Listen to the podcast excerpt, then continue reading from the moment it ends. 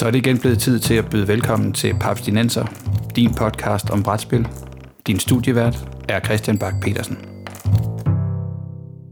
Velkommen til Papstinenser, din podcast om moderne bræt- og kortspil, præsenteret i samarbejde med papsko.dk, hvor du kan finde nyheder, anmeldelser, artikler og anbefalinger, alt sammen om brætspil. Mit navn er Christian Bak petersen og med mig i dag der har jeg en særlig gæst. Jeg har besøg af Mark Jørgensen. Velkommen til, Mark. Hey, tak. Tak fordi jeg var med. Yes, og Mark, du arbejder professionelt med brætspil, men ikke i en rolle, vi har haft forbi uh, Papsnenser-podcasten tidligere, som jo tæller blandt andet spildesigner og folk, der arbejder i branchen, eller folk, der er forbundet til en brætspilscafé. Nej, du er professionel wargamer i det danske militær hos Forsvarsakademiet. Har jeg ikke ret i det? Det, det er helt rigtigt, ja. Yes, og det tænker jeg, det er du den eneste, der, er sådan, er, der findes på, på dansk grund. Ja, lige par måneder til. Ja, spændende. Det glæder mig til at høre mere om. Men inden vi går i gang med at, at se, om, om du, øh, du får at høre om, at du får, øh, får kolleger eller, eller lignende, og hvad du ellers går og laver inde hos, hos Forsvarsakademiet, kan du så ikke fortælle lidt om din brætspilsbaggrund? Altså, kommer du fra et, øh, et, et hjem med Massador og Ludo, eller hvordan startede det? Altså, det startede nok... Øh, altså, vi har jo spillet brætspil, øh, som de fleste har, øh, da jeg var barn. Ja. Men det var først sådan, da jeg blev, øh, da jeg kom på universitetet øh, og stiftede bekendtskab med, med Wargames som sådan, at det ligesom, at, at det eskalerede, øh, kan man godt sige. Okay. Altså mit, mit første sådan Wargame, altså der, der var de der klassiske Access and Allies, som, som nogen nok kender. Yes. Og det var sådan set der, det startede. Okay. Og det er så alligevel også sådan lidt øh, hoppen ud i, i, i, den, i den, den dybe ende, tænker jeg, sådan i forhold til, ah, det kan godt være, der er mange, der faktisk dengang at sådan, øh, tidligt startede med, med Action Allies, men det er alligevel sådan, du har ikke, du har ikke taget sådan vejen helt op igennem sådan, øh, Eurogames og den slags, før det er kommet til, til krigsspillene? Nej, øh, det har jeg ikke.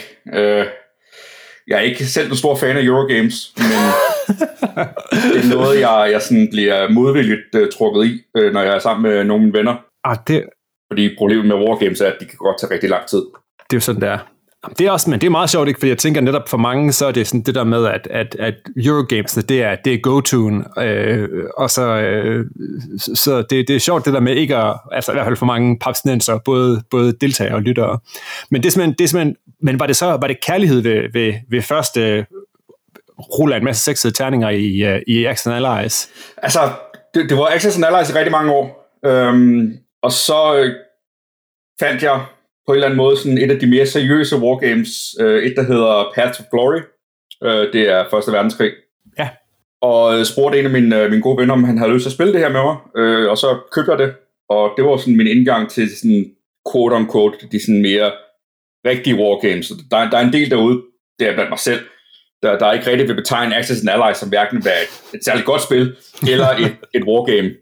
Nej, men det kan være, skal vi, skal vi sådan lige tage sådan, hvis man nu er sådan en, en, en rigtig dedikeret øh, wargamer, hvad, hvor er det så, man skiller? Hvad er det så, der gør, at man, at man tænker, at, at Access and Allies ikke er, er et rigtigt, eller et, et reelt wargame? Altså for mig så er det nok det med, at, at det skal være en, en repræsentation af, af en konflikt og en repræsentation øh, af krigsførsel. Okay.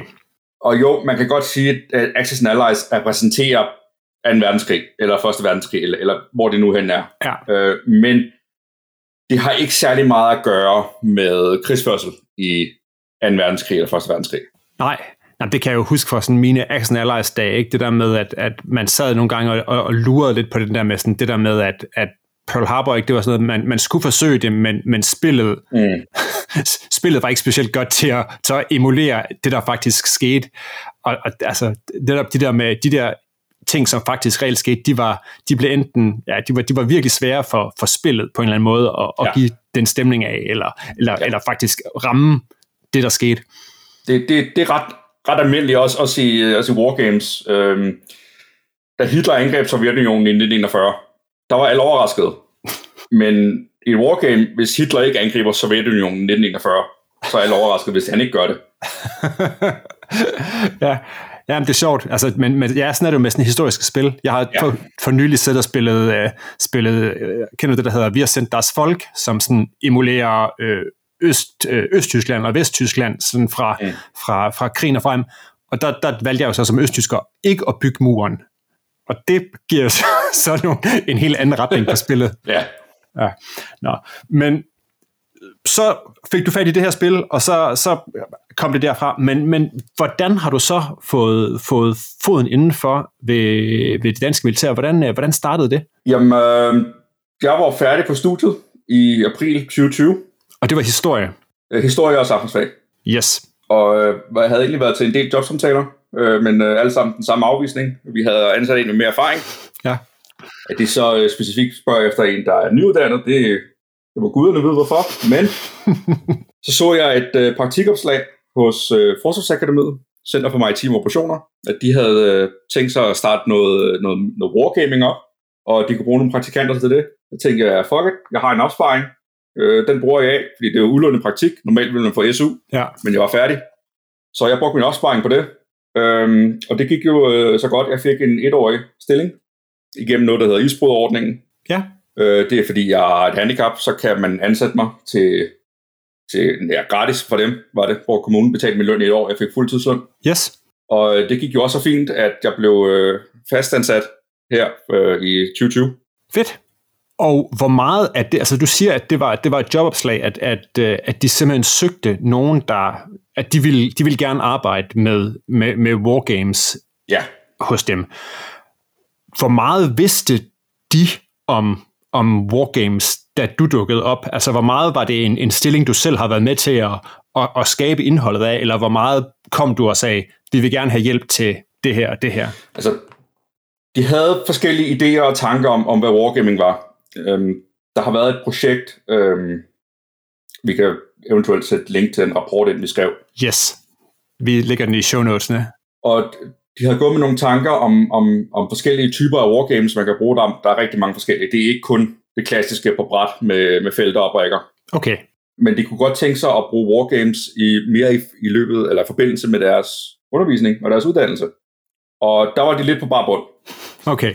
Så det har rigtig meget været en, en, en stilling, jeg, jeg selv har skabt, og en stilling, øh, som jeg selv har haft ret meget frihed i forhold til at definere, hvor skal vi hen med det her wargaming, øh, hvordan skal det se ud, øh, og hvad kan vi eventuelt bruge det til, ud over det, som de ligesom havde, havde bestilt, quote unquote, i forbindelse med det her praktikopslag. Okay, spændende. Det vil jeg gerne høre noget mere om, men hvis vi lige skal dykke ned i, hvordan sådan en normal dag på jobbet for dig er, og, hvor, og det tænker jeg, at der er mange lytter, der vil tænke det her sådan, hvor, meget, hvor langt er man fra, eller hvor tæt er vi på, det klassiske billede af mænd i uniform, der står og flytter tropper og, øh, rundt i, i miniatyrlandskaber eller på, på hekskort. Hvor meget af det af din hverdag er, er sådan? Ikke særlig meget, fordi det er, øh, altså for mig selv, der står og skubber ting rundt på kort, øh, og, og forhåbentlig øh, en af den anden wargamer, der kommer her snart, der bliver det en, en væsentlig større del af det. Okay, Men at, at have soldater inde, det kan så være kadetter eller, eller majorer, eller op til, vi jeg har haft øh, også for admiraler og sådan noget. Ja. Det, øh, det er ikke noget, der sker særlig ofte, øh, fordi det tager, de har en vis mængde tid selvfølgelig til at gennemgå de her uddannelser, og lige skære en uge af det, så de kan spille et wargame, er, er ret meget at bede om yes. der er et ret stort arbejde op til, at vi når til det punkt, hvor de står alle sammen i deres uniformer og skubber, øh, skubber tropper rundt på et kort. Øhm, men det sker, øh, for mig, der vil jeg nok sige, det sker, ja, nu skal ja, 4-5 gange om året, Okay, at, at det, den slags setup sker. Det, det kan godt være, at det kommer nok til at stige her de næste par år. så det er, det er, ikke, det er ikke værd at være nu. Nej, det er det ikke. Nej, okay. Men, men det er, er det så noget, det som du så laver i, i, din, i din hverdag, er det så noget, der arbejder hen mod, at vi har de her nedslag, hvor vi mødes, eller, eller, bruger, I, eller bruger du brætspil i, på en anden måde i, i, i din hverdag hos, øh, hos, øh, hos Forsvarsakademiet? Men så det, det er meget forskelligt. Øhm, nogle gange så er det en, en, en del af deres uddannelse og en del af deres kursus, øh, hvor de laver et eller andet, planlægger et eller andet i seks uger for eksempel, planlægger de en operation, og så mødes de i, øh, i slutningen af kurset, øh, før eller efter eksamen, og så udfører de operationen som del af et wargame. Okay, Og der er det meget sådan fastlagt, hvornår det ligger, sådan ish. Og så er der alle de her andre øh, mere ad hoc opgaver. Kan vi ikke lave et eller andet med det her, eller et eller andet i forbindelse med den her øvelse, eller kan vi ikke gøre et eller andet i forbindelse med, ja, hvad ved jeg, Så det, det, det er meget forskelligt, hvordan det foregår. Okay. Hvis du uden sådan at, at dykke helt ned i en specifik øvelse, hvad kunne det for eksempel være sådan en, en ad hoc oplevelse? Er det så, så er der nogen, der skal ud på en øvelse, og så vil de gerne have din hjælp til at, at simulere et eller andet, der sker? Eller er det noget, har, jeg, har jeg ret i det? Jamen altså, øh, simulere eller, eller wargame, øh, der er ret stor forskel på de to ting. Øhm, Klart. Simuleringer er meget stringent og mest brugt til analysearbejde. Okay. Uh, wargaming er mere brugt til, uh, uh, hvad fanden er det, det hedder på dansk? Experientiel, uh, bliver det kaldt på engelsk. Og ja, det er sådan uh, at, at få indsigt og erfaring med, med sådan specifikke koncepter og specifikke okay. uh, settings, frem for, jamen altså, hvis vi sender fem missiler mod det her, så sker det her 45% af gangen. Det er mere over i simulationer-afdelingen. Ja, okay. Hvor det andet handler mere om at få indsigt og erfaring med, med specifikke øh, settings, altså specifikke scenarier osv. Okay. Øhm, og begge ting sker. Begge ting er sådan, hey, øh, vi skal på øvelse om ja, 3-4 måneder, kan vi ikke øh, lave et eller andet wargames, så vi ligesom kan få sådan nogle ting på plads. Ja. Så, så vi er sådan helt klædt på til, til øvelsen, og sådan, jo, det kan vi godt. Alt efter, hvor, selvfølgelig, hvor, hvor, hvor stort og omfattende det skal være. Klart. Det er trods alt kun stadig mig, ene mand, der skal sidde og lave det hele. okay.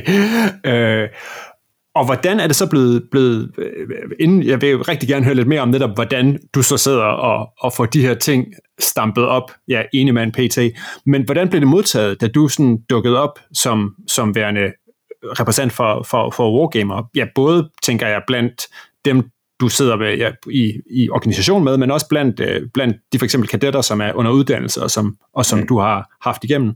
Altså, jeg var heldig at have en chef, der ligesom var, øh, var hovedsponsor øh, for det her Wargaming-projekt. Han har selv øh, Wargamet, øh, ikke i Danmark, øh, men øh, som, som led i noget uddannelse, han har taget. Ja. Og øh, så sagde han, jamen fedt, det gør vi, det er pis fedt, øh, det giver en hel masse. Og det var der, det startede. Og hvordan det sådan er blevet modtaget i resten af organisationen.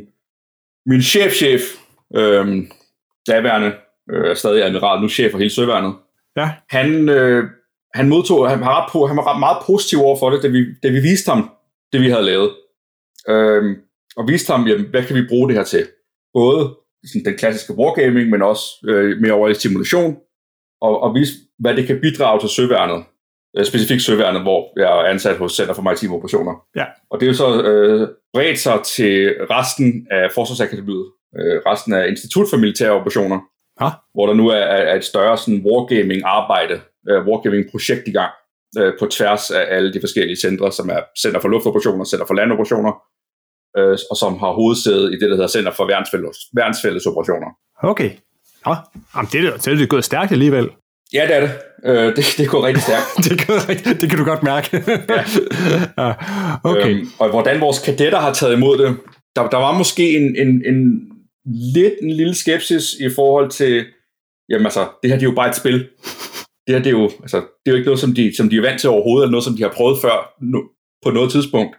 Øh, men efter den første dag, hvor de spillede det, og det, altså, det var lange dage, det var 8 til 22, øh, mandag til torsdag i, øh, i Frederikshavn. Det var rigtig lange dage for dem. Ja. Øh, men efter den første dag, der var de alle sammen fuldstændig hooked på det. Fedt. Og øh, det var øh, de undervisere, jeg havde med på kurset også. Så det er jo altid, øh, det er altid rart, øh, når tingene lykkes første gang.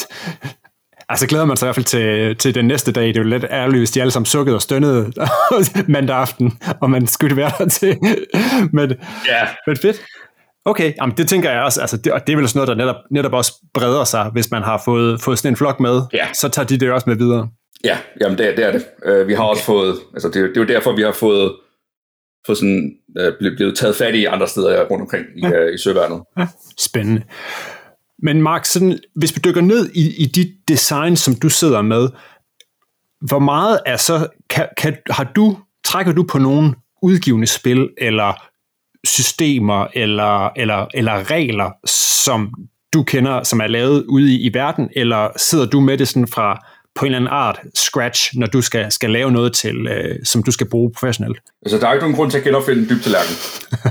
Men det der med at, at tage et, et kommersielt spil og så bare kaste det på hovedet på nogen, så får du ikke, ofte ikke særlig meget ud af. Du bliver nødt til at tilpasse det på en eller anden måde til, til de behov, du selv har. Det jeg gør, øh, når jeg skal lave et design, eller det alle professionelle wargamers burde gøre, når de skal lave design, det er at starte, jamen, hvad er formålet med det her? Hvad skal vi bruge det til? Hvad skal vi have ud af det? Ligesom, hvad er formålet? Og det er formålet, der er hoveddriveren i, i, hvordan hele designet kommer til at se ud. Hvad end det skal være et meget, meget stort opsæt, der tager en hel uge at spille, eller noget, der tager to-tre timer. Ja. Det er alt sammen formålet. Og af de kommercielle spil, der er derude, de, de fleste af dem er, er jo meget sådan klassiske operationer, øh, højintensitetsoperationer. Ja. Det er ikke lige godt til alt. Det, det er faktisk øh, ret dårligt til det meste. Især hvis, hvis man er ude i mere, jeg vil ikke sige øh, esoteriske, men, men mere sådan øhm, anderledes end de her klassiske operationer. Hvis man er ude og snakke om, øh, nu ser jeg nogle, sådan to ord, som de fleste af dem, de fleste af de lytter nok har ingen idé om, hvad fanden er, øh, nationale operationer, jamen altså, det handler ikke så meget om krig. Det handler mere om, for eksempel, hvordan forsvaret vil agere i tilfælde af kriser eller noget. Jamen altså, der nytter det ikke, at vi tager et eller andet krigsspil og bare kopierer, kopiere øh, kopierer direkte. Og ja, det lyder meget banalt at sige, men det er en vigtig ting at have for øje, at bare fordi det eksisterer derude, og det ligner et eller andet, du, du har kørende, så betyder det ikke, at det er særlig godt. Netop fordi, at det er lavet med et andet formål, end det, som vi skal bruge det til. Det er derfor, der altid øh, vil være en, en vis til, tilpasningsgrad øh, af de spil, jeg bruger selv. Men ja, helt klart, der, der er taget mange inspirationer fra, fra kommersielle spil rundt omkring. Altså sådan god øh, Frankenstein-model øh, er det, jeg kører for det meste i, i nogle af mine spil. Men jamen, så tager vi øh, landdelen derfra, luftdelen derfra, og vanddelen derfra, og så klasker jeg det sammen, og så øh, rækker jeg det lidt til, så det hele sammen kører fint, og så kører vi med det. Okay. Det er sådan en måde at gøre det på, og frem for at sidde og skulle lave det helt for grunden, hvilket jeg også har gjort. Check. Men, men når man, du sidder med sådan nogle spil, øh, kan du så se, bruger du så me, trækker du så mest på, på moderne spil, eller kan det også godt være spil? Altså, vi snakker jævnligt i, i Paps sådan om, om, om den der 80'er ting med Avalon Hill-spil, som var de der store øh, chits og hexes flytter rundt. Er det, er det nyere spil, eller, eller trækker du også på, på ting, som går, går tilbage til, til den tradition? Jamen altså, i kraft af, at, at, at sådan, teknologien udvikler sig hele tiden, altså de spil, der blev lavet i 80'erne, kan ikke, er ikke særlig gode til at forudse, hvordan øh, luftkrig vil være i 2025. Nej, okay. det er lidt nogle andre fly, der er med at gøre. Det, det, det, altså det, det er hurtigere, det vildere, og det voldsommere. Ja, selvfølgelig. Der, der er nogle ting, der godt, der, der er sådan, er okay, men, men for det meste, så er det moderne spil. Ja. Øhm, og, og når jeg siger moderne spil, så mener jeg ikke nødvendigvis kun spil, der foregår altså i moderne tid, men hvert fald spil, der er udviklet inden for altså inden for de sidste 20-30 år eller sådan noget. Ja, okay.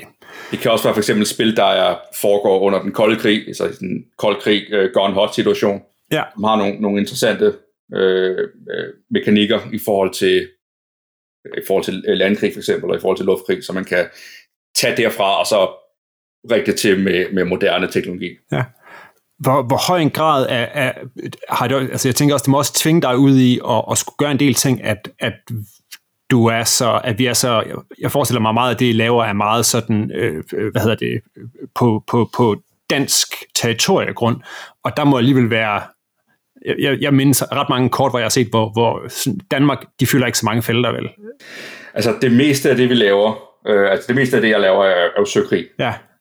Og øh, hvis du ser på, på Danmarks søterritorium, så er det ikke særlig stort. Det er 12 mil ud fra vores, øh, vores, øh, vores, vores land. Ja. Så det er altså, for det meste, så er det jo, så det, det gode ved søkrig er, at jamen, altså, det er ret fladt. øh, ret fladt og ret blot. det er ret fladt, ret blot og ret stort. øh, alt efter om for eksempel er oppe i Arktisk eller i Østersøen. Det er ret, to ret forskellige størrelser. Ja. Men det er ikke kun danske styrker, øh, vi har med, fordi skal lige tænke over, hvad jeg kan sige her. Øhm, det, det ville være en, øhm, sådan en større multinational styrke, for eksempel i forbindelse med et NATO-styrke eller noget. Ja. Det, det, det giver ikke mening, i hvert fald for mig, at, at, at lære dem krig. Altså, vi, vi snakker højintensitetskrig, og ikke bare, øh, altså, ikke bare sådan lavt skala, for eksempel ned på taktisk niveau, hvor du, jamen, hvis du har en bataljon danske styrker, så har du kun den bataljon danske styrker. Ja. Vi snakker større sådan niveau, du har 20 skibe eller 30 skibe, men så, har du ikke 20 danske krigsskibe. Vi har kun fem. ja, præcis. Altså, det er altid i, i, en, i, et, i et samarbejde og en synergi med, med andre landes øh, styrker. Altså, højintensitetskonflikter, ja. Øh, medmindre vi er nede på sådan meget taktisk niveau på landjorden, eller subtaktisk niveau i, øh, i flåden. Men de ting, dem, dem bliver der faktisk også, det, det arbejder I også med? Ja. Okay. Ja, fordi kan du, kan du give nogle eksempler på, på nogle af de her type scenarier, som du har, har sådan skulle stille op, sådan måske uden at gå helt i detalje, men sådan, hvad, hvad har sådan en, hvis du nu skal lave sådan en, du siger, at I, I, I spiller, altså der er ting, som er helt ned til en, en, en to-tre timer. Hvad, hvad kunne det for eksempel være? Men så der er vi ude i sådan noget, der hedder Matrix-spil. Ja. Det er ikke så meget bræt og brækker, som det er, at øh, hver spiller får tildelt en, en rolle inden for sådan et scenarie. Det kan være et, øh, altså det kan være ret småt øh, scenarie. Det kan være, jamen hver spil, du skal spille luftvåben, du skal spille hæren, og du skal spille søværnet, eller det kan være et øh, meget, meget større sådan internationalt scenarie med, at du spiller NATO, du spiller USA, og du spiller Rusland, og du spiller Danmark. Ja. Og så sidder man omkring øh, et bord, der er for eksempel et kort over området, øh, Østersøen, eller Arktis, eller whatever. Og så bygger man et, et narrativ op, hvor hver spiller har en handling, Øh, der er selvfølgelig sådan en kick-off med, der er sådan en scenariebeskrivelse, og hver spiller har fået deres roller og deres mål, som er hemmelige for de andre spillere. Og så starter den ene spiller med at sige, jamen jeg gør det her, og det lykkes på grund af det her. Og så bygger man sådan et scenarie op på den måde. Og det er, øh, det er ikke noget, der kan bruges særlig meget til analyse nødvendigvis, men det er for at udforske forskellige øh, muligheder, forskellige hande øh, muligheder, der er, og forskellige ting, øh, eller forskellige øh, hændelser, der kan ske. Der er et, øh, jeg snakkede med en brite, der har kørt rigtig mange af de her wargames, de her Matrix-spil. Øh, han kørte et, jeg tror det var i Sydkorea, han sagde. Øh, så blev han ringet op dagen efter og sagde, han, jamen det var pissefedt, men det mest urealistiske, der skete, det var, at, øh, at Sydkorea og Nordkorea sendte et fælles hold afsted til, øh, til OL. ja, okay. Og hvad skete der så øh, sådan to år senere? Så var det, der skete. Yes. så så der, der vil jeg sige, der var simpelthen nogen, der, der greb et scenarie, og så, kørte, så fik det et outcome. Ja, lidt ligesom når Christian vælger ikke at bygge Berlinmuren, og så vælger man at lave nogle, nogle ting, ja. fordi der kommer nogen, du gør det, så reagerer jeg på den måde, ja. og så pludselig kommer der, og så på en eller anden måde så afdækker det nogle outcomes, i, som, som man så kan, kan bruge til at, at kigge fremad. Ja, altså det, det er outcomes og, og, og sådan hændelser og handlinger, som kan bruges til at tænke over, jamen altså, hvis de rent faktisk gjorde det her, ja. hvad vil vi så skulle gøre? Yes. Og hvad kan vi gøre øh, for at, at opnå vores egne mål inden for det her scenarie? Ja, okay. Og det er, det er jo spændende, også netop fordi det på en eller anden måde, det tænk, tvinger jo også lidt folk til netop at, at, at tænke ud af boksen ja. og, og, og, og, og blive, blive skubbet til. Ja. Ja, fedt. Sådan noget helt basalt, jeg ved, vi har også en del spildesigner, der lytter med. Når, når du sidder og skal lave kort og chits og alt sådan noget, der skal bruges, særligt når I tænker, at I spiller større ting, er det så også noget, du bare går ud og, og låner fra, øh, fra eksisterende spil, eller øh, har, har du faktisk en måde, hvor, hvor I kan producere det lokalt? Uh, jeg bruger Component Studio fra Gamecrafter. Okay. Ellers jeg bruger jeg Excel, alt efter hvor, hvor, hvor, hvor simpelt det skal være. Okay. Uh, så det er meget simpelt. Altså, vi, vi kan printe i ja, stort. Ah, okay. Så det er ikke nogen problemer for kort. Nej. Nej, nej, og det tænker jeg, det må, det må, det må de præcis lægge ind med. Nu nævnte du, du havde snakket med nogle britter. Hvordan, hvordan ser wargaming ud internationalt? Du må jo så have kolleger i udlandet. Har de været i gang meget længe, eller... Øh... Altså, altså, wargaming som, som disciplin startede i 1821, tror jeg det var. Okay. Øh, en, en prøjser. Men især amerikanerne og englænderne har gjort det rigtig, rigtig, rigtig meget. Øh, amerikanerne havde gennemspillet hele Stillehavskrigen, inden Stillehavskrigen kom. Det gjorde de i 30'erne. Ja. Der var kun to ting, de blev overrasket over. Øh, det ene, det var Pearl Harbor. Yes. Det kan man måske godt forstå. Det andet var brugen af kamikaze. Det kan man måske også godt forstå, det blev overrasket over. Ja, okay. øhm, Men derudover så havde de faktisk, så, så vidste de nærmest, at der ville ske, ja. baseret på det, de havde spillet igennem. Ja. Okay. Øh, englænderne under 2. verdenskrig øh, havde gang i det, der hedder øh, Western Approaches Tactical Unit, som var en øh, øh, sådan effort til at, at forstå øh, og nedkæmpe tyske ubåde i, øh, i Atlanterhavet. Det de var, det var, at de havde et, øh, det gjorde et, øh, de lavede et hold af ja, englænder øh, til at spille til at spille tyskerne. Ja. Og så øh, fik de øh, skibskommandører ind øh, fra, fra den britiske flåde til ligesom at prøve at den kom igennem de her tyskere, og sådan langsomt igennem sådan flere måneder fik de opbygget, jamen altså, hvad er det optimale at gøre her? Det var en af de sådan ret øh, vigtige måder, de, øh, de havde på at få nedkæmpet øh, de her tyske ubåde, som var ved at, at sulte England ihjel ja, i, øh, i 40'erne og 41'erne. Okay. Så det er sådan mere sådan, det er mere praktisk brug af, af wargaming til sådan øh, et eksisterende, ret øh, presserende problem. Ja, okay. Øh, så der er en, en, en lang tradition for at... Øh, ja. For, okay. Og, Ikke så meget i Danmark, men øh, indtil videre. Nej. Men øh, det håber jeg på at kunne ændre. yes. Men, men er, det så, er der så også noget, noget internationalt netværk? Så der, ja, du sagde, du havde haft kontakt til, til en brite, men er der, er der noget, noget netværk, som du har kunne trække på? Ja. Øhm, der er konferencer rundt omkring i verden. Øh, jeg var til konference i USA her i, øh, her i juni. Øhm, der er store konferencer, wargaming-konferencer sådan hele tiden. Øh, der er NATO wargaming-initiativer, øh, mere eller mindre hele tiden. Der er forskellige NATO-arbejdsgrupper øh, omkring øh, wargaming. Og ellers så er det øh, altså de forbindelser, du skaber i, øh, i forbindelse med de konferencer øh, og de arbejdsgrupper, er ret øh, vigtige i forhold til at både sådan formelle, formelle forbindelser, men også sådan uformelle forbindelser i forhold til, hey, jeg har lige det her design, kan du ikke lige, kan du lige øh, give, give, det et once-over, og så give mig din feedback. Det, det er med til at sådan højne kvaliteten af den wargaming, vi laver, i og med, at, at vi har nogen, som har et andet udgangspunkt, end vi selv har og ikke selv sidder med, med vores egne sådan, små øh, danskerbriller og kigger på et, et specifikt problem, men altså, vi, vi får flere inputs fra, fra rundt omkring i NATO. Ja, og er det, er det, er det så også noget med at, at dele øh, scenarier eller måder at, at, at lave simpelthen ja. det, som, som, som bliver præsenteret for, øh, for folk? Ja, okay. det er det. Er der noget, der sådan har overrasket dig, efter at du begyndte at arbejde sammen med, med, med, med professionelle militærfolk i forbindelse med, med wargaming? Nu du trods alt kommer fra, fra baggrunden, er der, er der noget, der har overrasket dig, inden, siden, du, siden du blev ansat?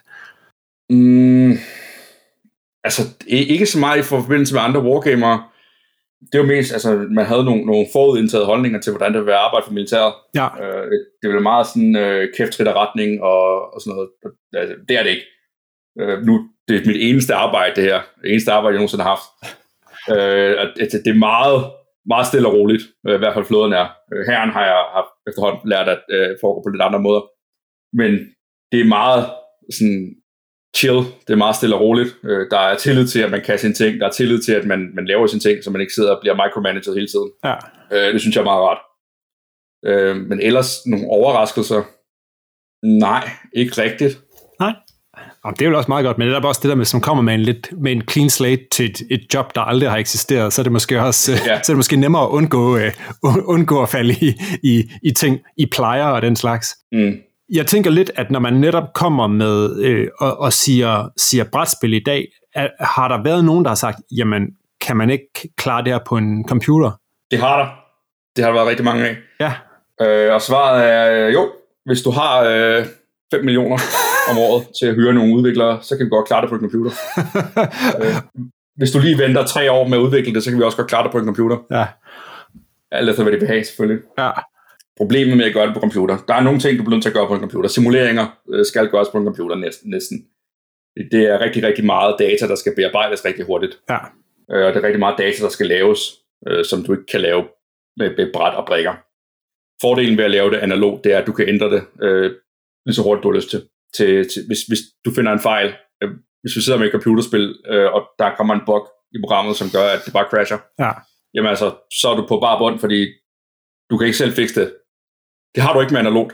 Nej. Der kan du ændre tingene, som du har lyst til. Du kan, du kan tilpasse tingene til, til lige præcis det, du har brug for. Så hvis du har et, et, et design, som fungerer for eksempel til flådekrig, jamen altså, så vil det ikke kræve det store og ændre det til, til et andet. Altså, hvis vi har et design, der passer til Østersøen, så vil det ikke kræve det store at ændre det, så det passer til Arktis for eksempel. Nej. Eller til, øh, til det indiske ocean, eller Stillehavet, eller whatever.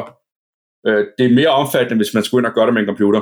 Ja, jamen selvfølgelig. Jamen, og det, jeg tænker også, at, at nærmest når du altså, sådan spiller øh, netop fra, fra mandag til, til torsdag, der, der, har du nærmest, der kan du nærmest stå og, og forestille mig at lave ad hoc justeringer og sådan noget undervejs. Ja, ja. ja.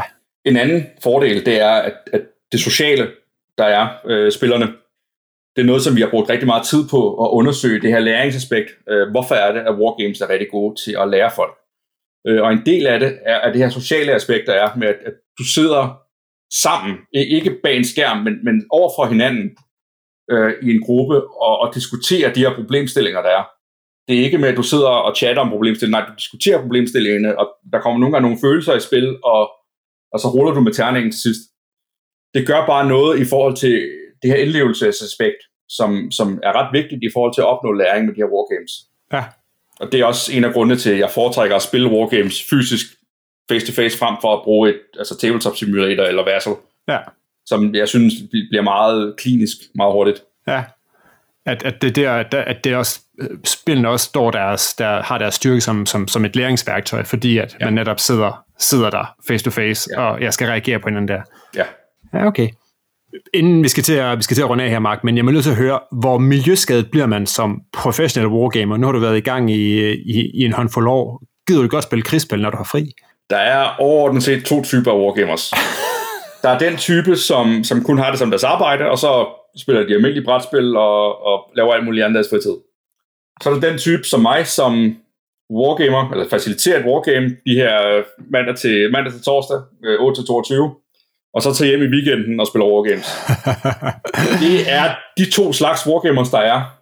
Ja, der er ikke så meget andet at sige til det, at, at nogen bliver miljøskadet, nogen gør ikke. Øh, Jeg gør ikke, øh, heldigvis. Fordi man kan bruge rigtig meget af det, som man også gør i sin fritid, kan man også bruge i forbindelse med sit arbejde. Og det gør det måske lidt svært nogle gange at afgøre, jamen, hvornår er jeg på arbejde, og hvornår holder jeg fri, når jeg spiller det her wargame. Øh, det er efterhånden blevet ret god til selv at afklare.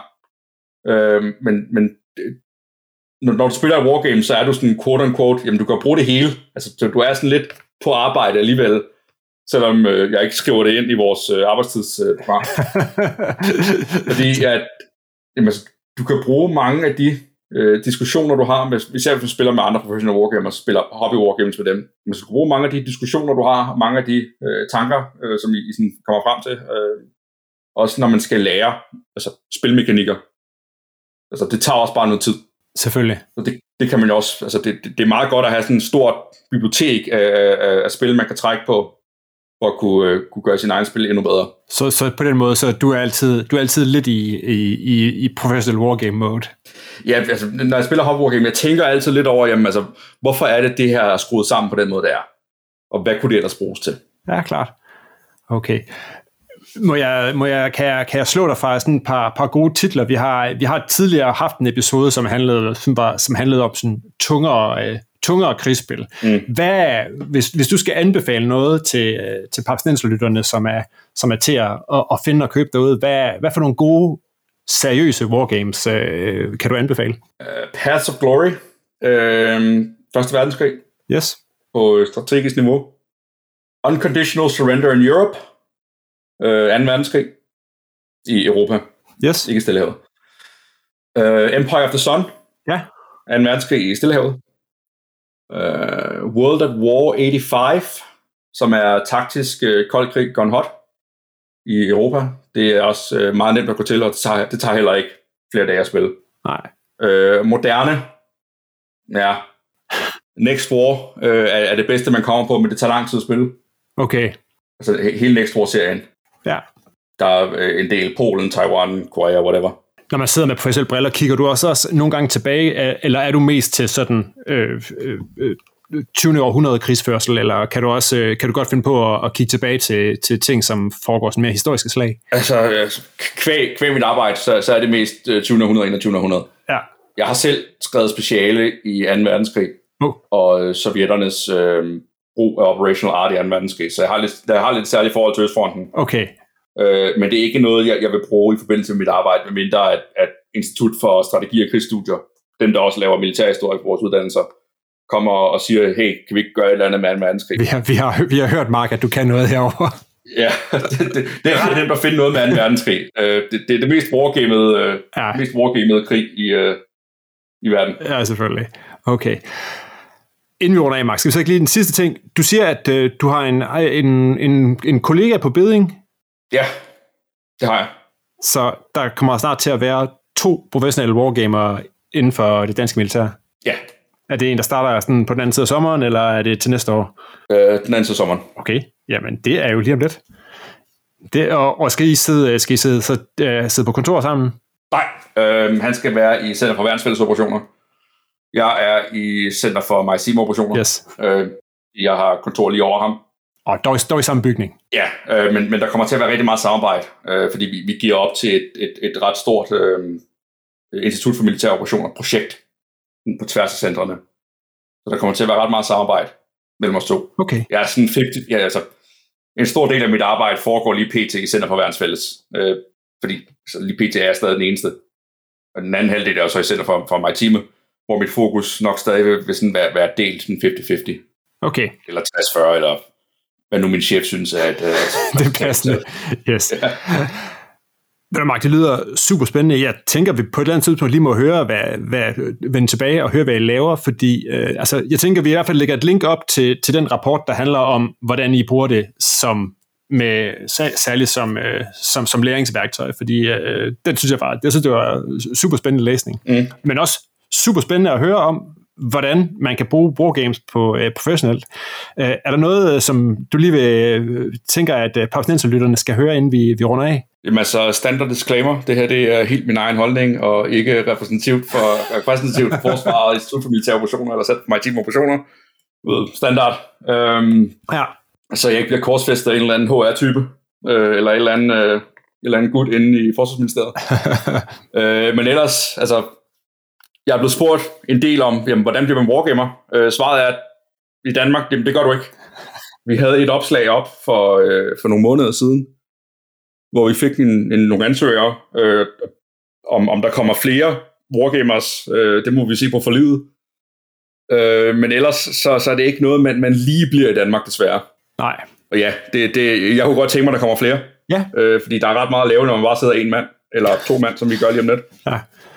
Du kan, du kan godt se, at der er, der er faktisk der er noget at gribe fat i for flere. Ja, ja det er der. Fedt. Ved du hvad, Mark, vi krydser fingre og håber, at, øh, at, at øh, der kommer noget mere opmærksomhed om det, fordi uh, ja. det lyder som en, en fed måde at arbejde professionelt med, med, med brætspil på. Jamen det er det også. Ved du hvad, vi, vi tjekker ind på et senere tidspunkt og hører, hvad vi er gang i. Yes. Ja, måske, jeg ved også, at I måske har snakket om at kunne og, og rykke lidt ud og vise lidt, hvad det er, I laver ind hos jer. Jeg, jeg så, du har lavet et opslag blandt andet om, om, man kunne, om der er noget til efteråret, hvor man kunne komme ud og, og du, er, du er gerne ud og fortælle om det. Ja, øh, altså det, det kræver så lige en chefgodkendelse, om vi kan komme på, til Weekendcon med det. Men, øh, hvis du kan, hvis du dukker op på Weekendcon, så, øh, så lad os øh, stikke koderne sammen der og, øh, og tage, en, øh, tage en snak og kigge lidt mere på, på professional og seriøse øh, wargames. Will do. Tak skal du have. Tak fordi du var med, Mark. Tak fordi øh, jeg måtte være med. Og med det så er vi nået til enden af den her episode af Papsnenser. Find links til øh, de spil, som Mark kan anbefale, og til øh, rapporten og Forsvarsakademiet, hvor Mark han har sin daglige gang på papsnenser.dk eller papskubber.dk-podcast. Du kan finde Papsnenser på Apple Podcast, Spotify, Podimo eller hvor du ender din podcast, og så er vi på YouTube. Med mig i dag var Mark Jørgensen. Papsnenser er produceret af Bo Jørgensen, Ingen Relations, Christian Beckmann og Mike Ditlevsen. Mit navn er Christian Bak petersen og på vegne af alle Papsnenser skal jeg sige tak, fordi du lyttede med.